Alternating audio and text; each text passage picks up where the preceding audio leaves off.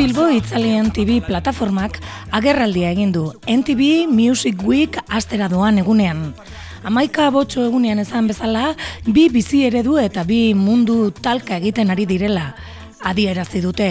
Alde batetik haiek daude oligarkia basko espainolaren ordezkariak, EAJ, Iberdrola, BBK eta MTV kultura bultzatzen dabiltzanak. Eta herritarren gorputza merkantilizatzen dutenak. Eta beste aldean, herria dago langile klasea, herri mugimenduak. Jorge Blanco, Piztu Bilbo, Itzalien TV bozera maileak adierazi duen bezala. Peter Griffinek, Batmanek eta Supermanek antolatutako MTV Music Weekean bertan da. Guk, herriko super, herriko supereroi faltsu hoiek inposatzen diguten irieskaparatea aspaldi salatu genuen.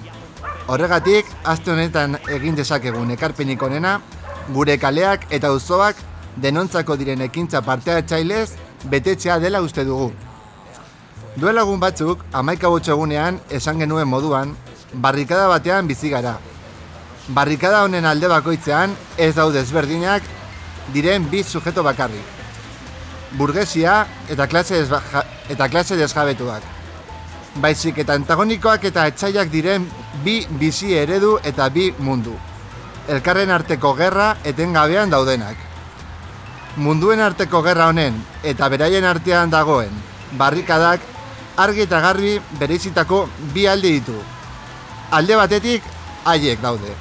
Batman eta Supermanen maskaren atzean eskutatzen direnak. Oligarkia Basko Espainolaren ordezkari den PNV. Iberdola, BBK, Laborak, Laboral Kutsa, Lastur eta MTV-a kulturak, gorputzak eta subjetuak merkantilizatzen dituen espektakulo lotxagarria. Eta beste aldean, gu, herria, langilea klasea, herri mugimenduak eta euskal herria desmerkantilizatzeko, despatriarkalizatzeko eta deskolonizatzeko lanean ari garen subjetibitate eta bizitzeko era guztiak. Behin gure proposamendua argi eta irmoki adierazita, Bilbon bizi zareten pertsona guztiei gurekin parte hartzeko, zuen iritzia partekatzeko eta debate eta mobilizazioetan parte hartzeko gonbitea lusatu nahi dizuegu. Lehenengo zita, ostegun honetan, azaroaren batean, arratsaldeko zeiretan daukagu. Zeinetan etxe eta plazatik, aterako den kalejira musikatu bat egingo dugun. Guk argi baitugu, ezin bada entzatu ez da gure irautza. Ostiralean, azararen bian, aratzaldeko bostetatik aurrera, indautxu plazan egongo gara. Hau, pertsona guztientzako espazio eroso eta begikor bihurtzeko asmoarekin. Jule goikotxeak dinamizatuko duen mai inguru bat antolatu dugu. Gonbidatu bezala, lutxo egia, monuz, errekalde hor bizirik, emakumeen mundu martxa, eta hau da honetan auzokidien eskutik eman den migrantze, migranteen txako harreraren dinamika ordezkariak izango dituena. Makrobetoek gugan dituzten eraginen inguruan eta espazio publikoaren erabileraren inguruan eztabaitu nahi duen edonori etortzeko gonbitea luzatzen diogu.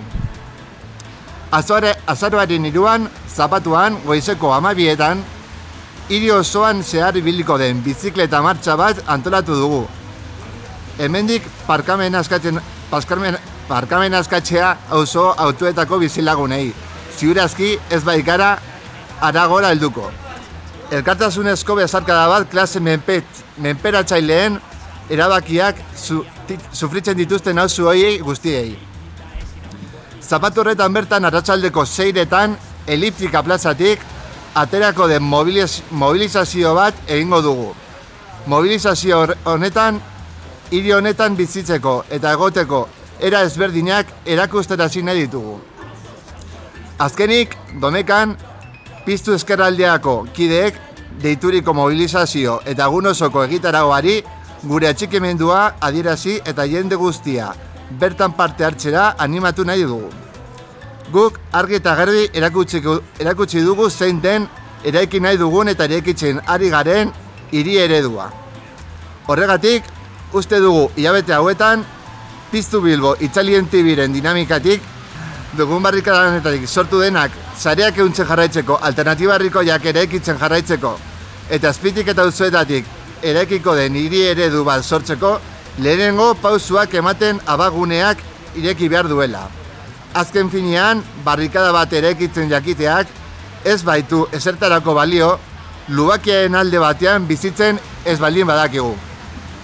Horregatik, guztiok mobilizazioetan parte hartzera gonbidatzen zaituztegu. Guztion artean beste bilbo bat eraikitzeko. Behetik, erritik eta elkartasunez MTV-ren, PNV-ren eta bere erakusleio den iriaren aurka e- eta arat, aratago. Gaurtik argi geratu da Bilbo piztuta dagoela. Argi geratu da herri mugimendua zu txikiak osatutako erresistentzia itsaso bat de- dela eta ez Peter Griffinek, ez Batmanek, ez Supermanek ere ezingo dutela inoiz gelditu. Eskerrik asko zuen aretagatik eta kaleetan ikusiko gara. Izan ere, eurei gustatuko gustatu edo ez, kaleek gure izena gure izenan jarraituko dute. Gureak izaten jarraituko dute. Aste honetarako kaleak betetzeko hainbat ekintza antolatu dituzte. Azaroak batean, ostegunean, arratzaldeko seietan, etxebarri eta plazatik abiatuta, kalijira musikatua egingo dute. Ostiralean, azaroak bi arratzaldeko bostetan, indautxu plazan maien gurua antolatu dute. Lutxo egia, Jule Goikoetxea eta errekale hor bizirikeko lagunak parte hartuko dute. Larun batean, bizikleta martza antolatu dute goizean, eta arratzaldean, elektrika plazatik abiatuta manifestazioa.